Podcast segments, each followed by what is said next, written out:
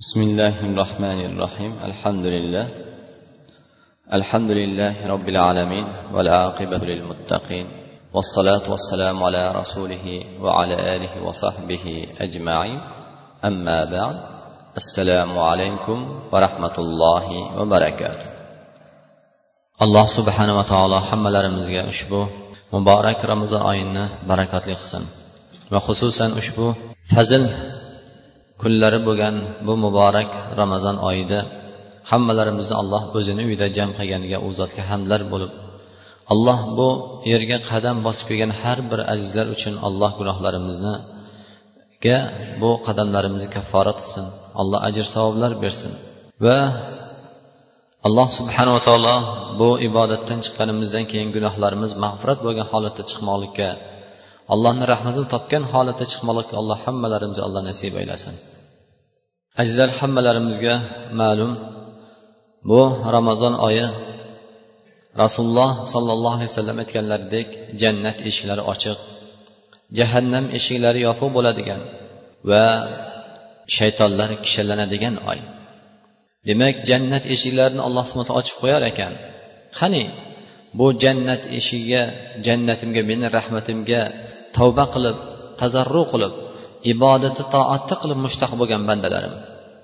Jahannam eshigini yopib qo'yar ekan gunohda ma'siyatda yurgan bandalari shoyat tavba qilsa shoyat allohga qaytsa shoyat alloh subhana taologa rahmatini istasa haq yo'lni topsa va shaytonlarni kuchlilarini shaytonlarni bu suffidatu shayatin deganda birodarlar bir narsani tushunishimiz kerakki shaytonlar kishanlanadiganda hammasi emas. Allohu alam imom navoiy rahmatullohi alayh shu hadisni sharhida suffidati shayatin ya'ni kuchlilari. Kuchli shaytonlar shu oyda kishanlanar ekan. Chunki agar shaytonlar kishanlanadi deydigan bo'lsa ramazon oyi kelganda insonlar gunohlardan xoli bo'ladi. Gunohlar qilmasligi kerak. Chunki gunoh ma'siyat shaytondan. Shuning uchun allohning bu bizlar uchun bir rahmati edi.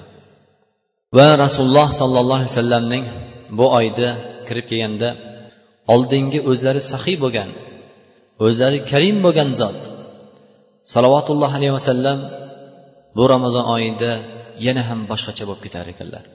Ibodatda qiroatda ro'zada saxovatda xayr sadoqatlarda rasululloh sollallohu alayhi vasallam boshqacha bir holatga kirib ketar ekan birodarlar. Demak alloh hammalarimizni bu ramazon oyida ibodatda ham xayr infoqda ham saxovatli bo'lishga alloh muvaffaq qilsin. Va albatta rasululloh sollallohu alayhi vasallam aytganlaridek as sadaqatu rob ya'ni sadaqa bu robning ya'ni allohning g'azabini o'chiradigan ya'ni allohni g'azabini ketkazadigan narsa dedilar. Demak allohning g'azabi birodarlar birovga ko'ziga kelishi mumkin. Allohning g'azabi birovni tiliga kelishi mumkin. Allohning g'azabi birovning qalbiga kelishi mumkin. Allohning g'azabi birovni moliga joniga ziroatiga yoki farzand ahli ayollariga kelishi mumkin. Demak allohning g'azabini o'chiradigan bu sadaqa evaziga nima olib keladi? Evaziga allohni roziligini olib keladi. U bandani qalbiga surur xursandchilik saodat va u bandasini toatda ibodatdagi rohatni alloh subhana taolo beradi. Demak allohning roziligini topishlik bu allohning rahmatini topishlik degani. Shuning uchun ramazon oyini ko'p birodarlarimiz e, ahli xayr alloh rozi bo'lsin alloh yo'lida infoq qilgan birodarlarimiz behisob beadaddir yetimlarga yesirlarga kambag'al faqirlarga. Alloh ularning mollariga birlariga hisobsiz ajr savoblar bersin. Va birodarlar bu oyni fazlini qaysi yo'l bilan bo'lsa ham toatda ibodatda tilovatda ilmda va majlis ilmiy majlislarda zikr ahllari bilan olimlar bilan ulamolar bilan jam bo'lib o'tirishligini allohni uyida jam bo'lishlikni alloh birodarlar qo'ldan kelgancha sadaqatda xayr infoqda birodarlar qo'limizdan kelgancha harakat qilib qolishimiz kerak. chunki alloh subhanava taolo qur'oni karimda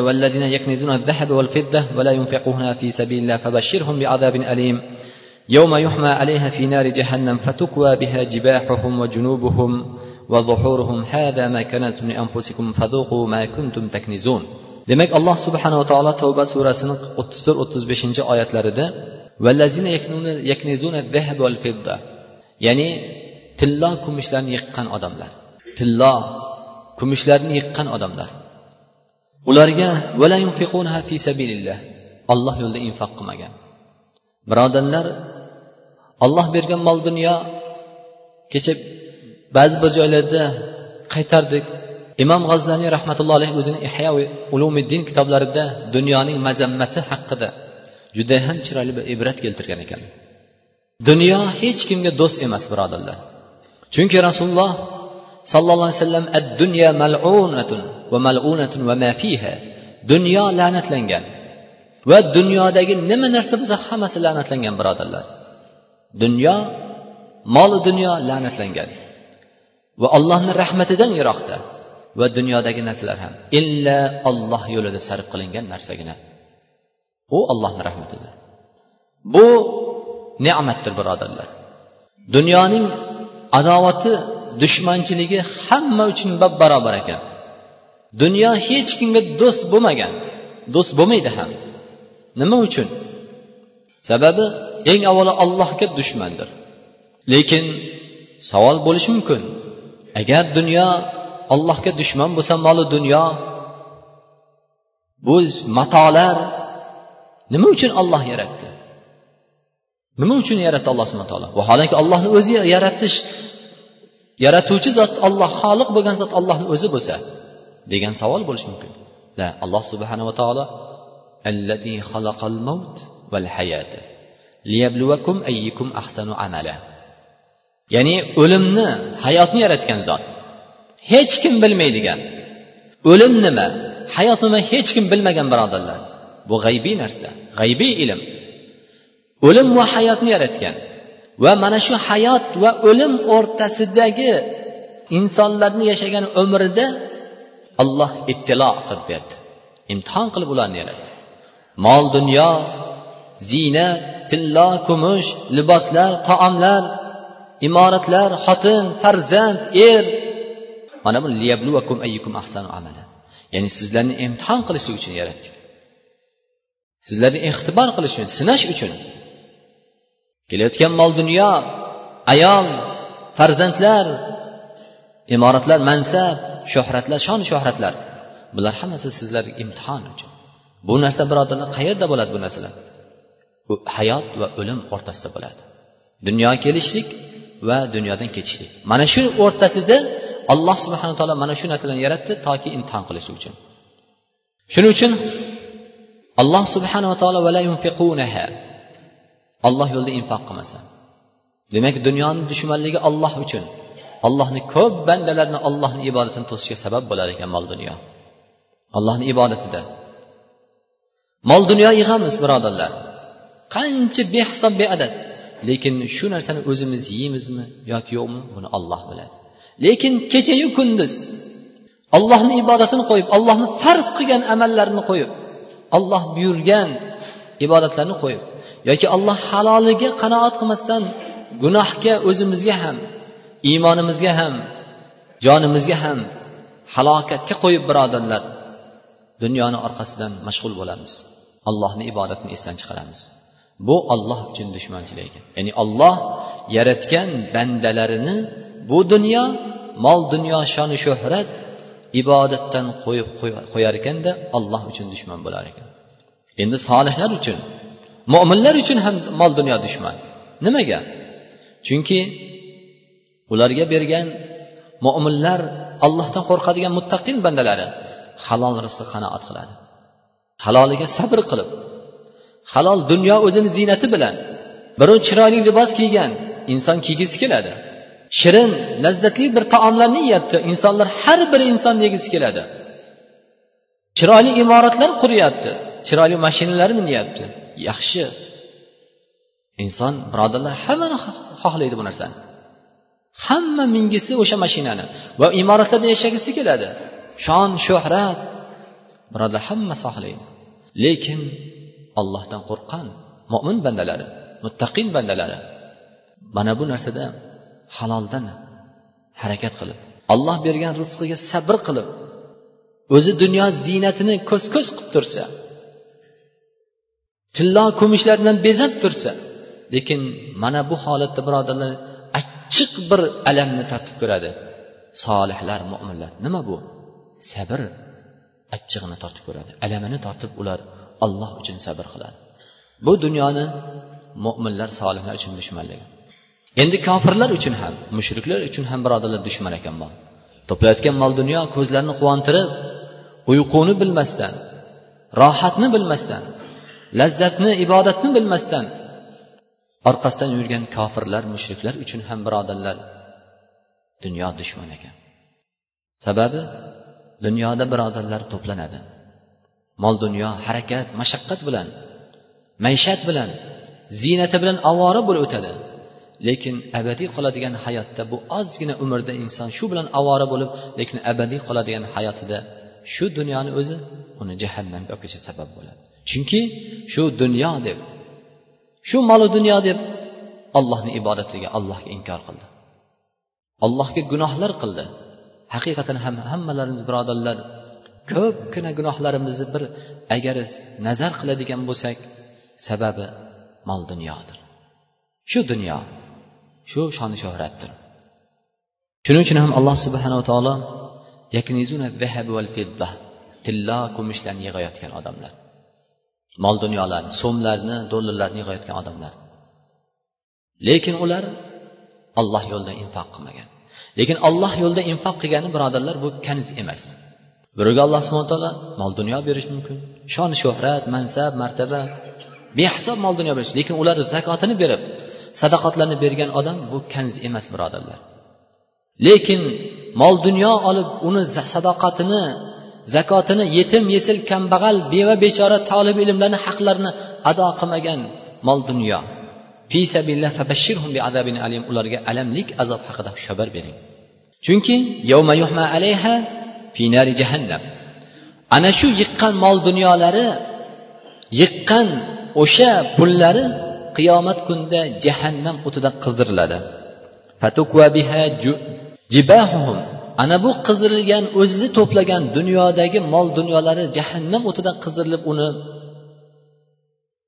orqalariga peshonalariga yonlariga tama qilib bosiladi mana sizlar o'zlaring to'plagan mol dunyolaring. Bu sizlarni o'zlaringni mol dunyolaring. Bu alamlik sizlarga berayotgan azob. Bu azob berayotgan narsa bu o't sizlarni o'zlaring to'plagan mol dunyolaring. O'zlaring o'sha to'plagan mol dunyolaringni azobini endi tatib ko'ringlar deb alloh subhana aytar ekan. Lekin birodarlar mana shu mol dunyo azob beradigan mol dunyo qachon? Uni zakotini sadaqatini haqqini infoq alloh yo'lida infoq qilmagan mol dunyo.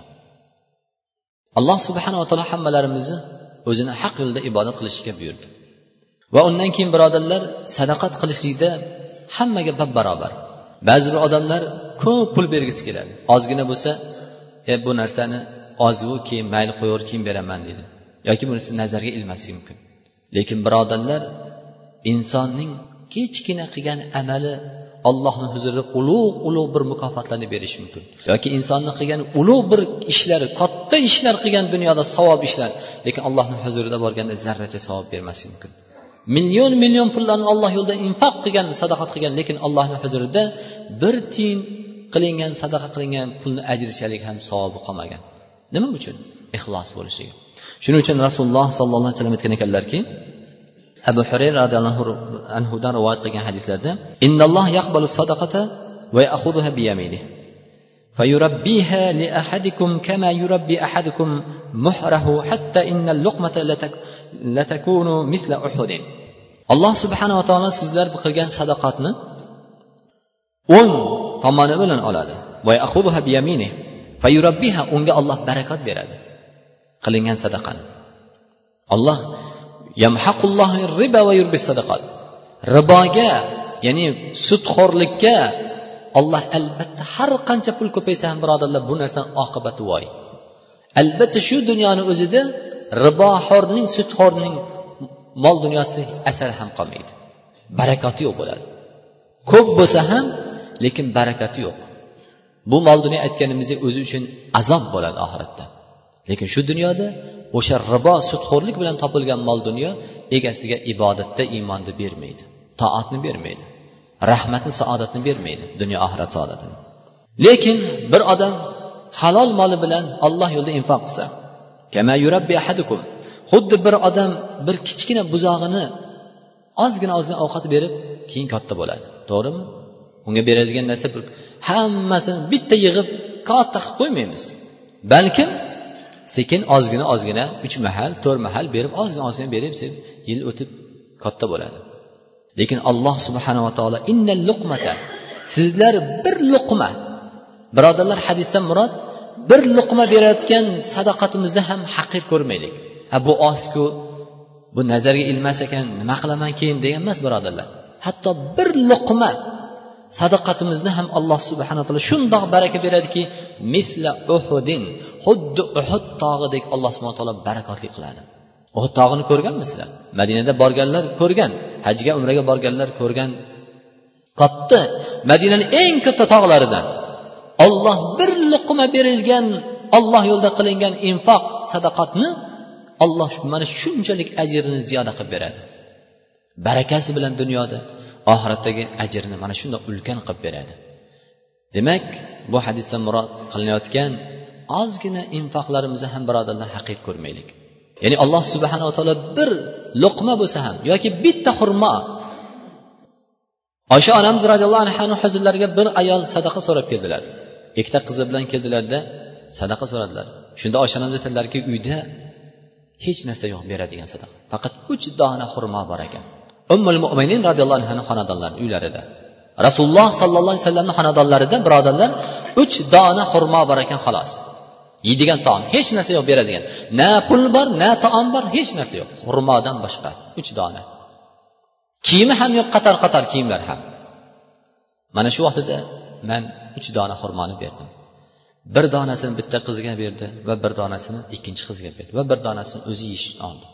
Haligi qizlar ochlik faqirlik muhtojlik xurmoni oldida qizlari tez yedilar va onasini qo'lidagi bir bir dona xurmoga qizlari qo'lini cho'zdi. Ikkala qizi ham.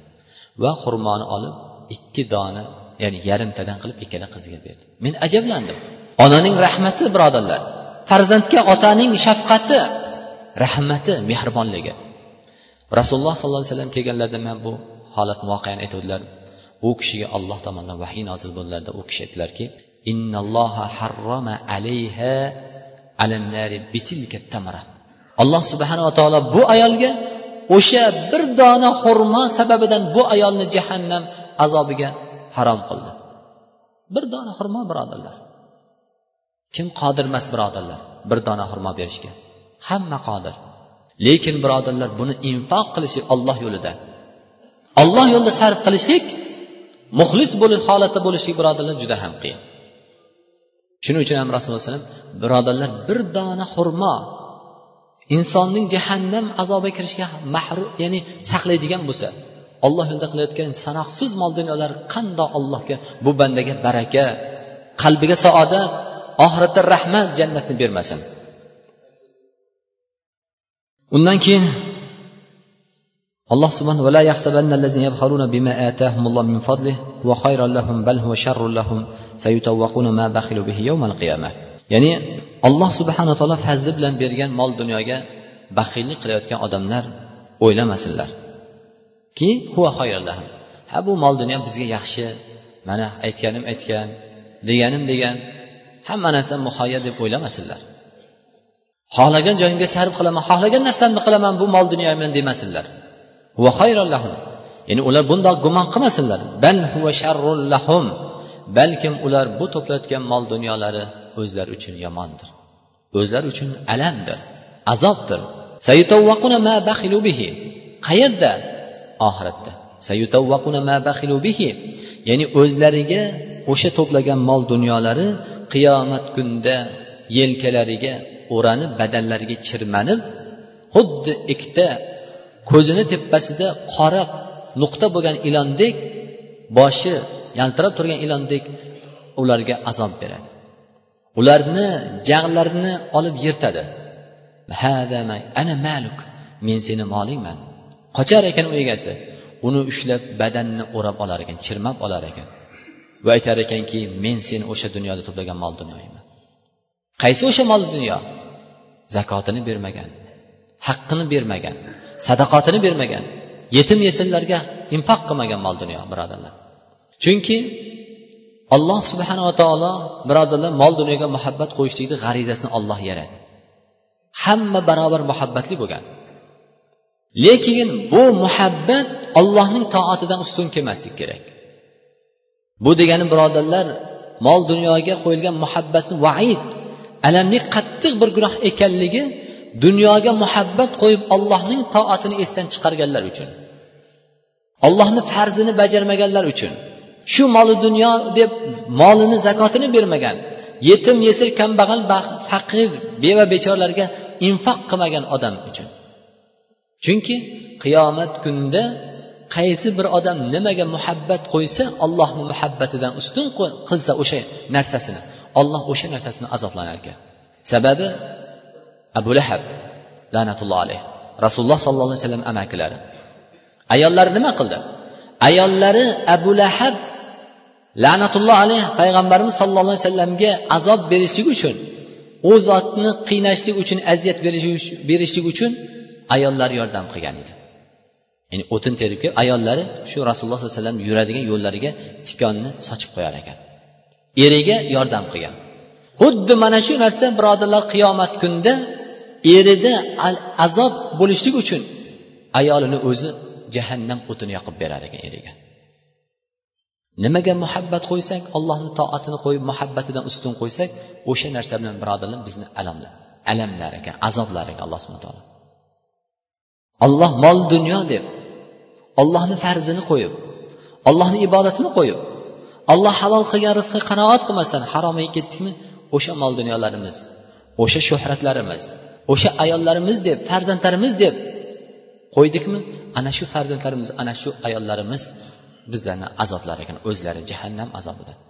Chunki farzand ya rob ey parvardigor bu otamdan so'ragin menga fitna olib keldi. Mana bu men uchun fitna olib kelgan.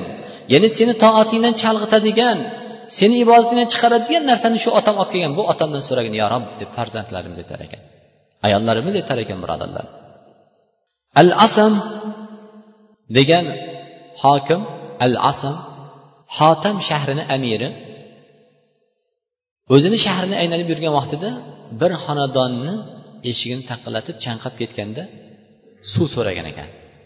Xonadon egalari suvni olib chiqqanda haligi kishi amir hokim suvni ichgan ekanda suv olib chiqib bergan xonadonlarga ya'ni mol dunyo bergan ekan.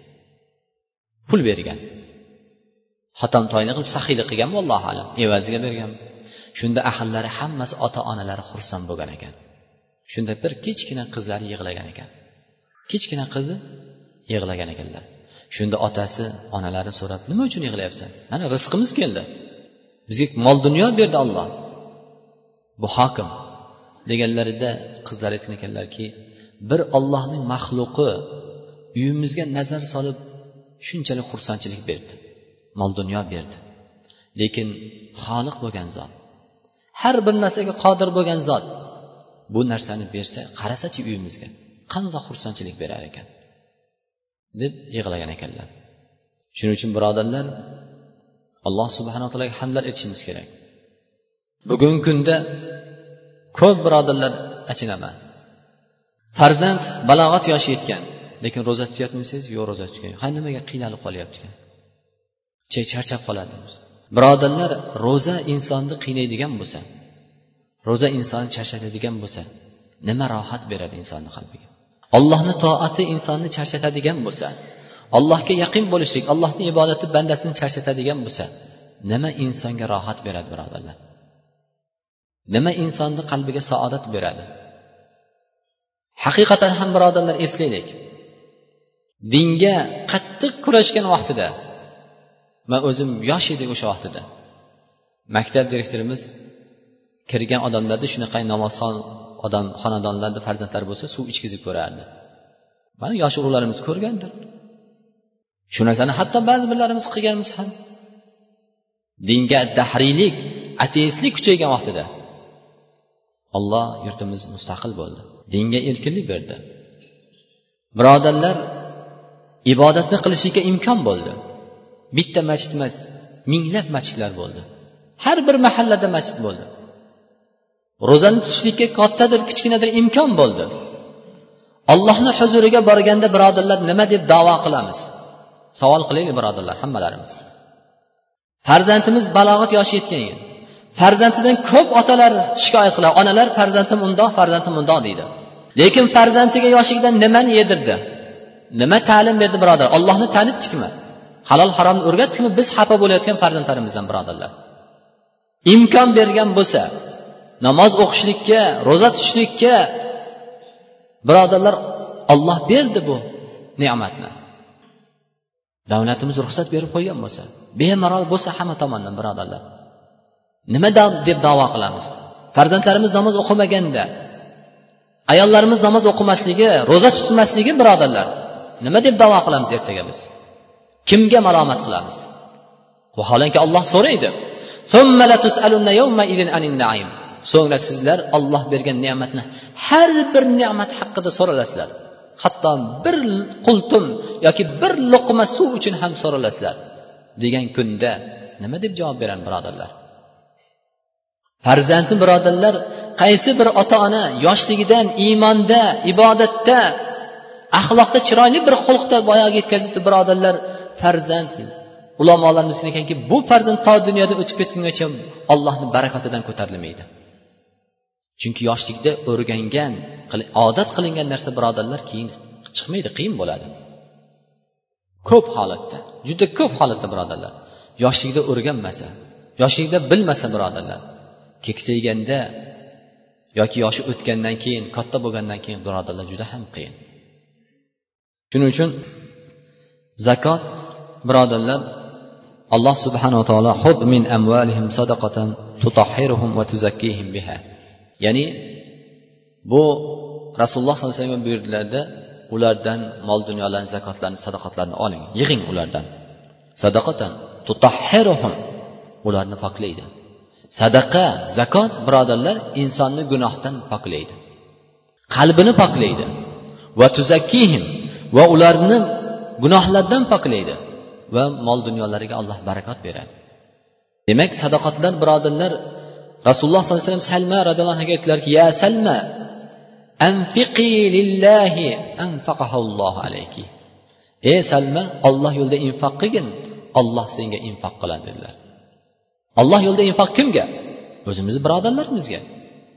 O'zimizni otamizga onamizga aka ukalarimizga qarindosh urug'larimizga. Hatto birodarlar bir birodarimiz aytgan aytdilarki bir odam to'yiga sarf qilgan birodarlar mato uchun emas sarfo uchun emas. Sarf qilgani besh million oshiq sarf qilgan birodar besh ming dollar. Vaholanki to'rtta aka ukasi bitta uchastkada bitta hovlida o'tirar ekan. Bu uchun tiyini uchun javob bermaydimi inson. Vaholanki kimni umri uzun bo'lishni xohlaydigan bo'lsa oilasi saodatli bo'lishni xohlaydigan bo'lsa ya'ni moli dunyosi barakotli bo'lishni xohlaydigan bo'lsa ko'p bo'lishni xohlaydigan bo'lsa ota onasiga yaxshilik qilsin dedi. Ota onasini xizmatida bo'lsin dedi. Qarindosh urug'iga siylay rahm qilsin dedi. Islom bu qadar rahmdil dinimizni qarangki birodarlar begonaga qilingan sadaqatdan ko'ra yaqiniga qilingan sadaqat ikki barobar hissasi ajr savobi ko'p bo'ladi.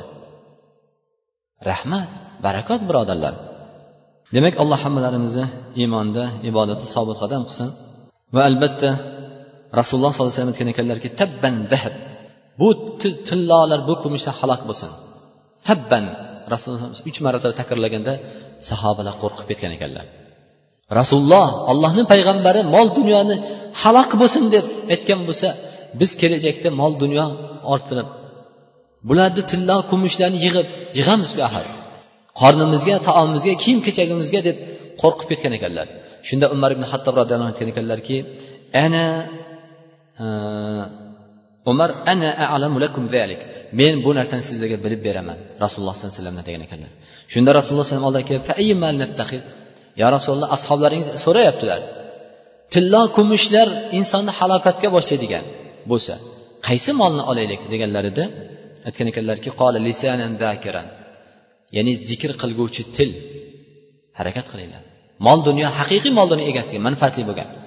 Zikr qilguvchi til. Va qalban shakiran va shukur qilguvchi til va zavjatan ahadakum ala dini va shundoq bir solih ayol olinglarki er sizlarni dinlaringizga yordam qiladigan ya'ni sizlarni taqvolaringga sizlarni ibodatlaringga yordam qiladigan ayol olinglar. Mana bu narsani sizlar mustah olinglar deb aytgan ekanlar. Sahoba zikr qilguvchi til va shukur qilguvchi qalb va dinimizga toatimizga ibodatimizga yordam qilguvchi ayol. Salaflar ba'zi bir sahobiylar abiydalar aytar ekan erlariga ey bolalarimni otasi ey er biz ochlikka sabr qilishimiz mumkin. Biz ochlikka sabr qilishimiz mumkin. Qiyinchilikka muhtojlikka faqirlikka sabr qilishimiz mumkin. Lekin jahannam o'tiga biz sabr qilolmaymiz er erlariga aytar ekanlar uydan chiqib ketayotganda. Qani birodarlar olloh hammalarimizga mana shunaqa ayol nasib qilsa eriga tanbeh berib turadigan. Haloldan ko'chaga chiqqanda bizga harom narsa topib kelmang. Harom luqmani olib kelmang. Bizga haromdan topib libos olib kelmang bizga. Biz shu bir qator ustimizga ham sabr qilamiz. Biz uyimizdagi bir to'g'ra nonimizga ham sabr qilamiz ochlikka ham sabr qilamiz lekin bizni haromdan yegizdirmang. Allohni azobiga jahannam azobiga sabr qilolmaymiz. Degan birodarlar bunaqa ayol nasib qilsa bu erni hamma narsa bergandan ko'ra dunyoni hamma narsasini jamlab bersa ham mana shu ayolga teng kelmaydi birodarlar. Alloh hammalarimizga ayollarimizni mana shunday ayollardan bo'lishga alloh muvaffaq qilsin. Va sallallohu alayhi sayyidina nabiyina muhammad va ala alihi vashabi ajmain. Alloh o'zini haq yo'ldan adashtirmasin. Va parvardigoro o'zini dinida alloh bizlarni qadamini sobit qilsin. Va alloh yurtimizni tinch qilsin. Bu ramazonni barakotlaridan alloh yurtimizni serobchini qilgin osmondan yerdan kelayotgan balolardan alloh o'zing asragin. Rahbarlarimizni shar'iy xayriy ishlarga alloh rivoj barakat ato qilgin va parvardiga alloh yo'lida infoq qilayotgan birodarlarimiz bor. Alloh yo'lida xizmat qilayotgan birodarlarimiz bor. Alloh ularni mol dunyolariga barakatlar ato qilgin va parvardigor ularni ahllarini farzandlarini solihinlardan qilgin o'zlarini qalblarini diningda sobit qilgin ishlariga tijoratlariga ziroatlariga chorvalariga alloh barakatlar ato qilgin qalblariga olloh qalb saodatini alloh ularga hammalariga bizlarga ham alloh muyassar qilgin. Bizlarni ham parvardigor alloh yo'lida infoq qiladigan bandalaringdan bo'lmoqlikka hammalarimizga nasib aylagin. Va parvardigoro bu kechadagi hatmoni kechamizga ham alloh yetkazsin bizlarni. Va xatm kechada nozil bo'ladigan o'zingni rahmatlaringdan barakotlaringni alloh hammalarimizni alloh nasib aylagin. Allohumma inna nas'aluka al-huda va tuqa wal afafa al-ghina va sallallohu ala sayyidina muhammad bi rahmatika ya arhamar rohimin